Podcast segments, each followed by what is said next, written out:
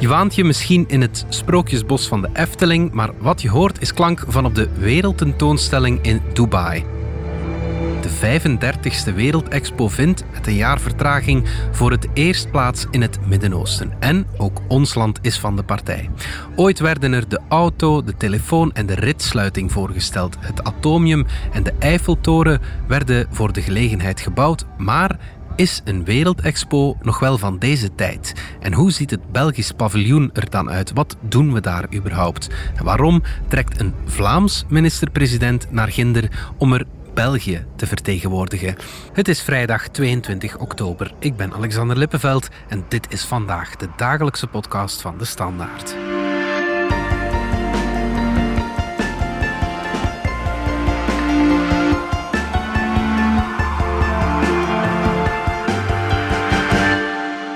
Sinds begin deze maand loopt in Dubai de 35e Wereldexpo en dat nog tot maart 2022. Matthias Verbergt van onze wedstraatredactie. Jij vloog recent naar Dubai en nu ben je nog even in België, maar je vertrekt morgen opnieuw. Eerst en vooral, wat is een Wereldexpo?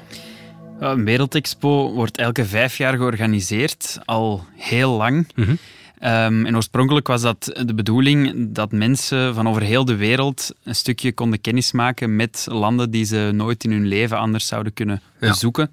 De wereld wordt letterlijk tentoongesteld. Dat, Inderdaad. Ja, ja, ja, En we kennen allemaal Expo 58, dat uh, in ons land plaatsvond, maar ook de wereldtentoonstelling in Parijs, die onder meer de Eiffeltoren hebben opgeleverd. Mhm. En nu vindt het dus plaats in uh, de Verenigde Arabische Emiraten, in Dubai. Ja, is het zo rijkelijk als we het kunnen verwachten van een uh, oliestaat, van een golfstaat? Ja, ze hebben het er heel groots aangepakt. Uh, er zijn meer dan 190 landen die een paviljoen hebben. Niet alle landen kunnen het zelf betalen, maar daarvoor heeft dan, hebben de Emiraten dan gewoon zelf maar een uh, paviljoen neergepot. okay, ja. Het is wel um, heel erg shiny en luxueus en... Um, ja, het, is duidelijk dat er heel veel eh, geld tegenaan gesmeten is. Hmm. Nu, Dubai is inderdaad wel van oorsprong op oliedollars groot kunnen worden, maar hij heeft eigenlijk die oliepiek in begin jaren 90 al bereikt hmm. ehm, en zijn toen heel erg gaan diversifiëren, gaan inzetten op uh, inkomsten uit, uit vastgoed, uit toerisme, uit retail ook. Als je er rondloopt, is één groot shoppingcenter. En eigenlijk past die Wereldexpo ook binnen die poging van de Emiraten om onafhankelijker te worden van die olieinkomsten. Ja. En op die manier willen ze in de verf zetten dat ze eigenlijk een soort hub zijn tussen Afrika, Midden-Oosten, Azië en Europa. Ja. En die wereldtentoonstelling ja, moest daar zo het orgelpunt uh, van worden. Is dan een jaar uitgesteld door corona. Mhm. Grote tegenslag, maar, maar gaat dus nu uh, alsnog door. Ja. En het Belgisch paviljoen ziet er eigenlijk heel mooi uit, moet ik zeggen, langs de buitenkant. Het is opgebouwd uit veel hout en planten. Mhm. En ja, valt wel op uh, tussen de vele andere paviljoenen die vaak een zo wat industriëlere look hebben. Wat kunnen we zien in dat Belgisch paviljoen? Zijn dat vooral frieten en chocolade? Ja, de klassiekers worden natuurlijk uitgespeeld. Er is een um, chocoladewinkel, er is een wafelkraam, er is een frietkraam. Ja. Maar meer nog dan dat gaat het over Innovatie en technologie. De expo staat in het teken van drie thema's: mobiliteit, mhm. duurzaamheid en opportunity, kansen. Mhm. Wij zitten in het mobiliteitsdistrict. Welcome to the Belgian Pavilion. Start your journey into the future of mobility. In het Belgisch paviljoen kan je eigenlijk doorheen drie expositieruimtes een aantal innovatieve toepassingen zien en, en een blik werpen eigenlijk op de mobiliteitstoekomst van ons land. Uh, je wordt ook verwelkomd door een aantal grote namen die wel slim zijn gekozen, ook in het kader van mobiliteit. Door Eddy Merckx bijvoorbeeld, Mark Herremans, Ilham Kadri, die CEO is van, van Solvay, is wel Française. Ehm, ook Frank de Winne bijvoorbeeld. Um, langs de binnenkant kom je dan eigenlijk doorheen drie expositieruimtes Um, die, die uitgewerkt zijn rond verschillende thema's. Je kan bijvoorbeeld zien hoe, hoe Antwerpen eruit zou zien uh, met een heel andere mobiliteit dan vandaag. En in onze mainshow zie je de huidige realiteit, maar dan geprojecteerd in de toekomst. We horen Mirjam Kops, de directeur van het Belgisch paviljoen. Matthias, jij interviewde haar in Dubai voor deze podcast. Dus je ziet de bestaande gebouwen, het Atomium bijvoorbeeld, maar dat staat opeens in een zeer groene omgeving. En daar zijn geen files rond, maar er zijn bijvoorbeeld vliegende auto's enzovoort. Mag ik dat grappig vinden, Matthias? Het land dat misschien wel het meest ter wereld stilstaat dat wij ons met mobiliteit moeten gaan uh, profileren. Nee, dat is wel waar. Die opmerking wordt daar ook wel gemaakt. Maar misschien net daarom dat bij ons zo'n grote uitdaging ligt om, om de mobiliteitsproblemen aan te pakken en te kijken welke innovatieve oplossingen onze grote bedrijven kunnen, kunnen leveren. Want steeds meer staat ook die tentoonstelling in teken van business. Ja, ja, ja. Het is niet alleen voor particuliere bezoekers, er is ook een belangrijk bedrijfsluik, een businessluik aan. Ik herinner me dat van Shanghai in 2010 en Milaan in 2015. Ja, zeker. Dat is eigenlijk vooral gegroeid sinds de mm, laatste wereldexpo's, de expo in Shanghai bijvoorbeeld, was heel erg gericht op, op business, op die nieuwe Aziatische markten. Daar heeft bijvoorbeeld ook het Belgisch paviljoen afgeklokt op een winst van 7,5 miljoen euro. Okay. Uh, dus het kost ons wel degelijk veel geld om daar te staan, om daar ons paviljoen te zetten. Bijvoorbeeld het, um, het huidige paviljoen in de UAE. Ja, de UAE, dus de Verenigde Arabische Emiraten zijn dat. Hè? Heeft zo'n 8 miljoen euro gekost. Mm -hmm. Maar men hoopt dat er toch uit te kunnen halen. Ja. Um, je ziet ook dat er enorm veel bedrijven daar missies plannen. Hmm. Heel grote delegaties van Uniso, de zelfstandige organisatie, maar ook van VOCA, de, de werkgeversorganisatie, die daar naartoe trekken. En ja, de UAE is ook wel een belangrijke markt voor België. Uh, we exporteren als Vlaanderen dan 2,5 miljard euro Mhm. daarheen, wat uh, de UAE toch, tot, toch in de top 20 zet van uh, de grootste exportlanden voor, uh, voor Vlaanderen. Vlaanderen die goed is voor meer dan 80% van de Belgische export. Voor de business is het een, een, een heel belangrijk podium. En wij doen dat via ons business center, waar bedrijven hun ding kunnen doen. Of zij nu een workshop willen organiseren, of zij willen een congres organiseren of, of zelfs een gala-diner uh, voor uh, hun, hun, beste contacten dat is allemaal mogelijk in, in het paviljoen. Maar uh, naast de effectieve contacten en contracten denk ik dat ja, het is ook voor een groot stuk imagobuilding. En we leven in een wereld waarin dat wel heel erg belangrijk is. En uh, hier krijgen we ook de kans om een beetje te diversifiëren. Het, het, we hebben een fritkot, ja natuurlijk, maar... Uh, we laten ook zien dat België meer is. Dat was nog eens Mirjam Kops, het is de eerste grote expo na de pandemie. Voel je dat? Ja, dat, dat valt wel op. Eh, er worden nog overal mondmaskers wel gedragen, ah. hoewel je moet aantonen dat je uh, gevaccineerd bent of getest bent als je binnenkomt. Maar ze zijn heel voorzichtig. De UAE heeft ook de hoogste, bij de hoogste vaccinatiegraden ter wereld. Mhm. Maar toch zijn ze heel voorzichtig. Het heeft eigenlijk voor- en nadelen, denk ik, voor de Wereldexpo. Het nadeel is natuurlijk heel duidelijk. Er zullen minder mensen zijn. Hmm. Oorspronkelijk mikte men, ik denk op 25 miljoen bezoekers uh, op een half jaar. Dat is wel heel veel. enorm is. Ja. Ook omdat ze hoopten om een publiek aan te spreken dat uh, traditioneel niet meteen naar zo'n Wereldexpo gaat. Mhm. Namelijk, ja, uh, mensen uit bijvoorbeeld Midden-Oosten, uit delen van Afrika, uit delen van Azië, ja. waarvoor het nu bereikbaarder was. Denk maar aan India bijvoorbeeld, ja. die helemaal niet zo ver vliegen is van Dubai. Maar ja, die zullen natuurlijk niet allemaal naar die uh, expo komen. Nee. Een voordeel is wel dat ja, het het eerste grote mondiale evenement is uh, met zo'n massa aan publiek sinds uh, corona. Mm. En dus uh, hopen we wel dat er een soort, of dat er gesurfd kan worden op die positieve golf in de economie, ook in de wereldeconomie, van het herstel na de coronapandemie. Ja. En ook bedrijven en bedrijfsleiders, daar zie je wel dat er heel veel um, goesting is om opnieuw buiten te komen en opnieuw contacten te leggen met de rest van de wereld, wat anderhalf jaar eigenlijk stil heeft gelegen. Ja, oké. Okay. Jij vertrekt straks met de Vlaamse regering. Wat gaat minister-president Jan Bon daar doen? Of wat hoopt hij daar te doen? Goh, ja, het is uh, Vlaanderen op de kaart zetten, is, uh, is de missie. ja. Zijn bezoek valt niet toevallig natuurlijk in de Vlaamse Week. Jan Bon wil die optimaal gebruiken. Hè? Er zijn allerlei ontmoetingen met onder meer de minister van Economie van uh, de Verenigde Arabische Emiraten, met uh, de president van Malawi, zowaar. Okay. Um, met, maar ook met grote Belgische bedrijven die daar uh, goed vertegenwoordigd zijn, zoals Basics, het bouwbedrijf, of DME, het baggerbedrijf. Ja. Tot en met de paardenfokkerij met Belgische inbreng, waar Jan Bon een bezoek aan gaat brengen. Ja.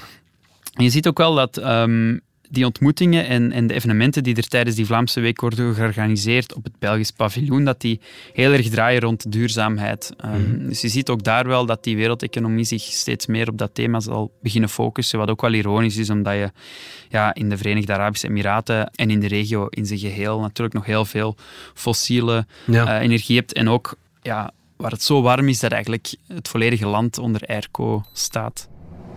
Ja, dat botst inderdaad. Ja. Is dat ergens niet verwarrend dat er een Vlaamse week in het Belgisch paviljoen is uh, voor die bezoekers? Ja, het is ook opvallend. Als je rondloopt op de expo, zie je bij elk land op het paviljoen de naam van het land hangen. Mhm. En bij België staat er Belgium en daaronder Brussels, Flanders, Wallonië. Ja, we maken onze naam weer waar. Ja, het is ook niet onlogisch, want de mm, bevoegdheid van, van buitenlandse handel zit grotendeels bij die gewesten. Mhm. En er is dus een Vlaamse week, er komt nog een Waalse week en een Brusselse week. Ja, ja. En telkens ja, komen die ministers-presidenten dan um, ook mee, of dat is althans toch de bedoeling. Je hoort wel dat dat inderdaad wel verwarrend kan zijn. Hè? Als je deuren wil openen, dan is het nog altijd het best dat je echt een staatshoofd of een regeringsleider hebt die vertegenwoordigt normaal gezien het hele land. Dus het is wel verwarrend dat België dan plots eigenlijk met, met op zijn minst drie excellenties afkomt die uh, met de nodige egaars moeten ontvangen worden. Het voordeel is dat we wel drie van die weken hebben, natuurlijk. Um, uh, in het verleden ja, struikelden verschillende regeringen al over elkaar als het over buitenlandse betrekkingen of buitenlandse handel ging. Is dat totaal nog niet verbeterd dan? Wel, als, als je hoort bij de drie uh, handelsagentschappen, dan is eigenlijk die samenwerking redelijk goed verlopen. In de uh, vorige legislatuur had je nog een, een, staatssecretaris voor buitenlandse handel, een federale staatssecretaris. Dat was Pieter de Krem, ja. die uh, het echt zijn missie maakte om, om de hele wereld af te reizen, om uh, België te vertegenwoordigen, terwijl eigenlijk die bevoegdheid grotendeels bij de gewesten zit. Dat zorgde wel voor wat spanningen. Nu is die functie er niet meer en wordt het echt wel in handen van die gewesten gelaten. En dat is ook bij de organisatie van, van deze wereld wel echt gebeurd. We gaan er heel even tussenuit. Ik maak graag wat reclame voor ons podcastfestival. Op 3 en 4 december organiseert De Standaard samen met de stad Oostende een podcastfeest. Dat is een tweedaags festival met het beste wat podcast te bieden heeft. Reken op een breed, internationaal en verrassend programma met gesprekken, luistersessies en debatten.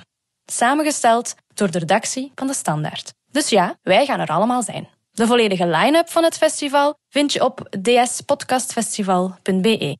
Van Brian Reed met de podcastklassieker S-Town tot de Volksjury en de Deventer Mediazaak. Ons podcastfeest mag je eigenlijk niet missen. Terug naar de Wereldexpo dan. Volgens expo-verantwoordelijke Riem Al-Hashimi is Dubai de ideale locatie gezien zijn rijke geschiedenis. Dubai was a place of connectivity three, 4,000 years ago. And it still is today. And inshallah, it will continue to always be. That puts Dubai and even this project in a completely different historical context. Matthias, de Wereldexpo vindt eigenlijk voor het eerst in die regio plaats, in het Midden-Oosten. Wat zegt dat? Ja, het is de eerste keer daar inderdaad. En dat duidt er wel op dat um, het steeds belangrijker wordt dat al die delen van de wereld ook zich inschrijven in die, die globalisering.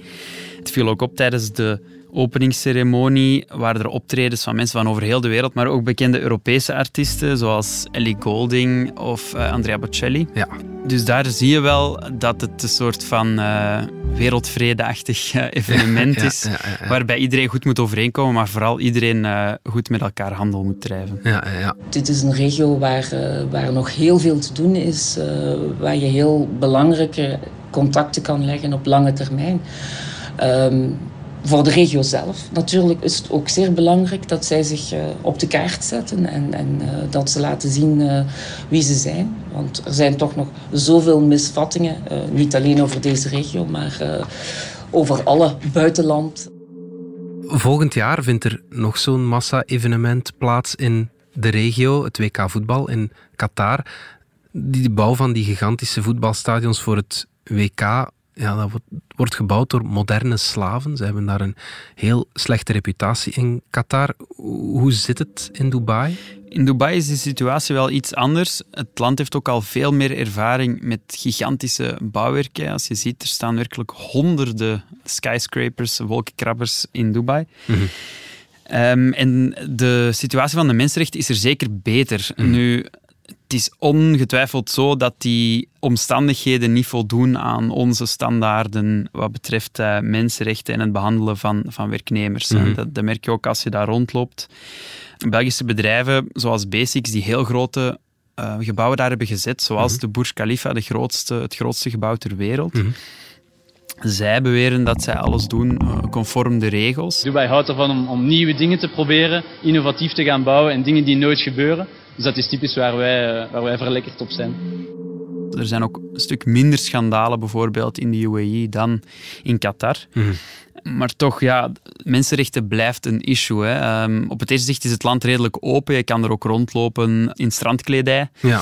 Maar er zijn ook wel een aantal incidenten. Je hebt onder andere recent een, een prinses gehad, uh, Latifa, die niet kon ontsnappen, of die wilde ontsnappen aan het regime, maar uh, dan opgesloten werd. Mhm. Het is ook echt een politiestaat. Als je rondloopt op die expo, zie je werkelijk overal camera's. Er zijn politierobots die daar rondrijden en alles filmen en u erop wijzen als je geen mondmasker draagt. Echt waar.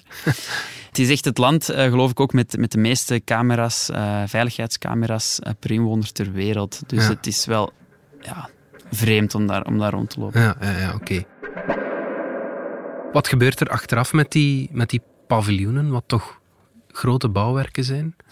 Ja, de bedoeling is eigenlijk dat ze volledig afbreekbaar zijn en elders opnieuw opgebouwd kunnen worden. En bepaalde landen of bedrijven kopen ook die paviljoenen over. Dus er zijn al een aantal paviljoenen die nu in Dubai staan en die eigenlijk al verkocht zijn, mhm. om ze dan elders weer helemaal herop te bouwen. Ah ja, oké. ja. Dat is de bedoeling, dat is de theorie we zullen moeten zien binnen een aantal jaren wat van die structuren nog overblijft. Mhm. Want heel vaak worden zo'n dingen wel beloofd. En het is ook wel de bedoeling om de site van de expo ook wel een nieuwe stadswijk te maken. Oh ja. Dus er zullen wel heel veel zaken gerecupereerd kunnen worden. Ja, oké. Okay. Uh, eh, Zo'n wereldexpo krijgt precies niet zoveel aandacht meer, zoals dat vroeger wel het geval was. Is het nog wel van deze tijd? Ja, die aandacht dat, dat klopt, denk ik. Vooral in het Westen is daar eigenlijk hm. minder aandacht voor. Maar ik was enorm verbaasd om te zien dat dat echt een giga-evenement is voor opkomende economieën. Hm dat zij er heel veel aandacht aan besteden. En ten tweede, ja, de manier waarop het ingevuld wordt vandaag is natuurlijk helemaal niet meer te vergelijken met de Expo 58 bijvoorbeeld, waar letterlijk zich tafereelden afspeelden die, die helemaal niet meer zouden kunnen vandaag en mhm. terecht. Zo'n wereldexpo staat nu vooral in het teken ja, van, van business um, en, van, en van zaken doen. Mhm. En in die zin is het volgens de bedrijven wel nog steeds zeer relevant om, om al die mensen samen te brengen, omdat het ook een koppeling is van de bedrijfswereld aan de grote consumentenmarkt eigenlijk. En mm, consumenten van over heel de wereld en in een aantal opkomende economieën, en dat onderschatten wij misschien, zijn er nog heel veel nieuwe consumenten die eigenlijk in die wereldmarkt instappen en die nu pas bijvoorbeeld verre reizen kunnen maken en zo en die dingen kunnen komen bekijken. En landen kunnen bezoeken die heel ver van hen liggen. Ja, voor hen blijkt dat nog steeds wel redelijk belangrijk te zijn. Zie je ook als je daar rondloopt op de Wereldexpo in Dubai de Europeanen zijn er veruit in de minderheid. Er zijn er heel veel Aziaten, mensen van andere werelddelen, hmm. die blijkbaar wel degelijk nog gefascineerd zijn door ja, de etalage van landen die je daar kan bezoeken. Hmm. Je zegt Aziatische landen. Wordt er ook gekeken naar Afrika en Zuid-Amerika bijvoorbeeld? Ja, dat was wel de bedoeling. Zeker Afrika, omdat dat niet zo heel ver ligt van Dubai. Corona heeft het wel niet eenvoudiger gemaakt. Hmm. De reisbeperkingen ook om, om Dubai binnen te komen bijvoorbeeld, ja, moet je bijvoorbeeld ofwel gevaccineerd zijn. Ja, en de vaccinatiegraad in Afrika die voilà, nog heel dus erg laag. Ja. Dat is het. Ja. Goed, Matthias Verbergt, dankjewel. Graag gedaan. Dit was vandaag de dagelijkse podcast van de Standaard. Bedankt voor het luisteren. Ken je trouwens DS Podcast al, de podcast-app van de Standaard? Daar luister je niet alleen naar onze journalistieke reeksen, je krijgt ook elke week een eigenhandige selectie van de beste nieuwe podcasts op de markt. Alle credits van de podcast die je net hoorde vind je terug op standaard.be-podcast. Reageren kan via podcast.standaard.be. Maandag zijn we opnieuw.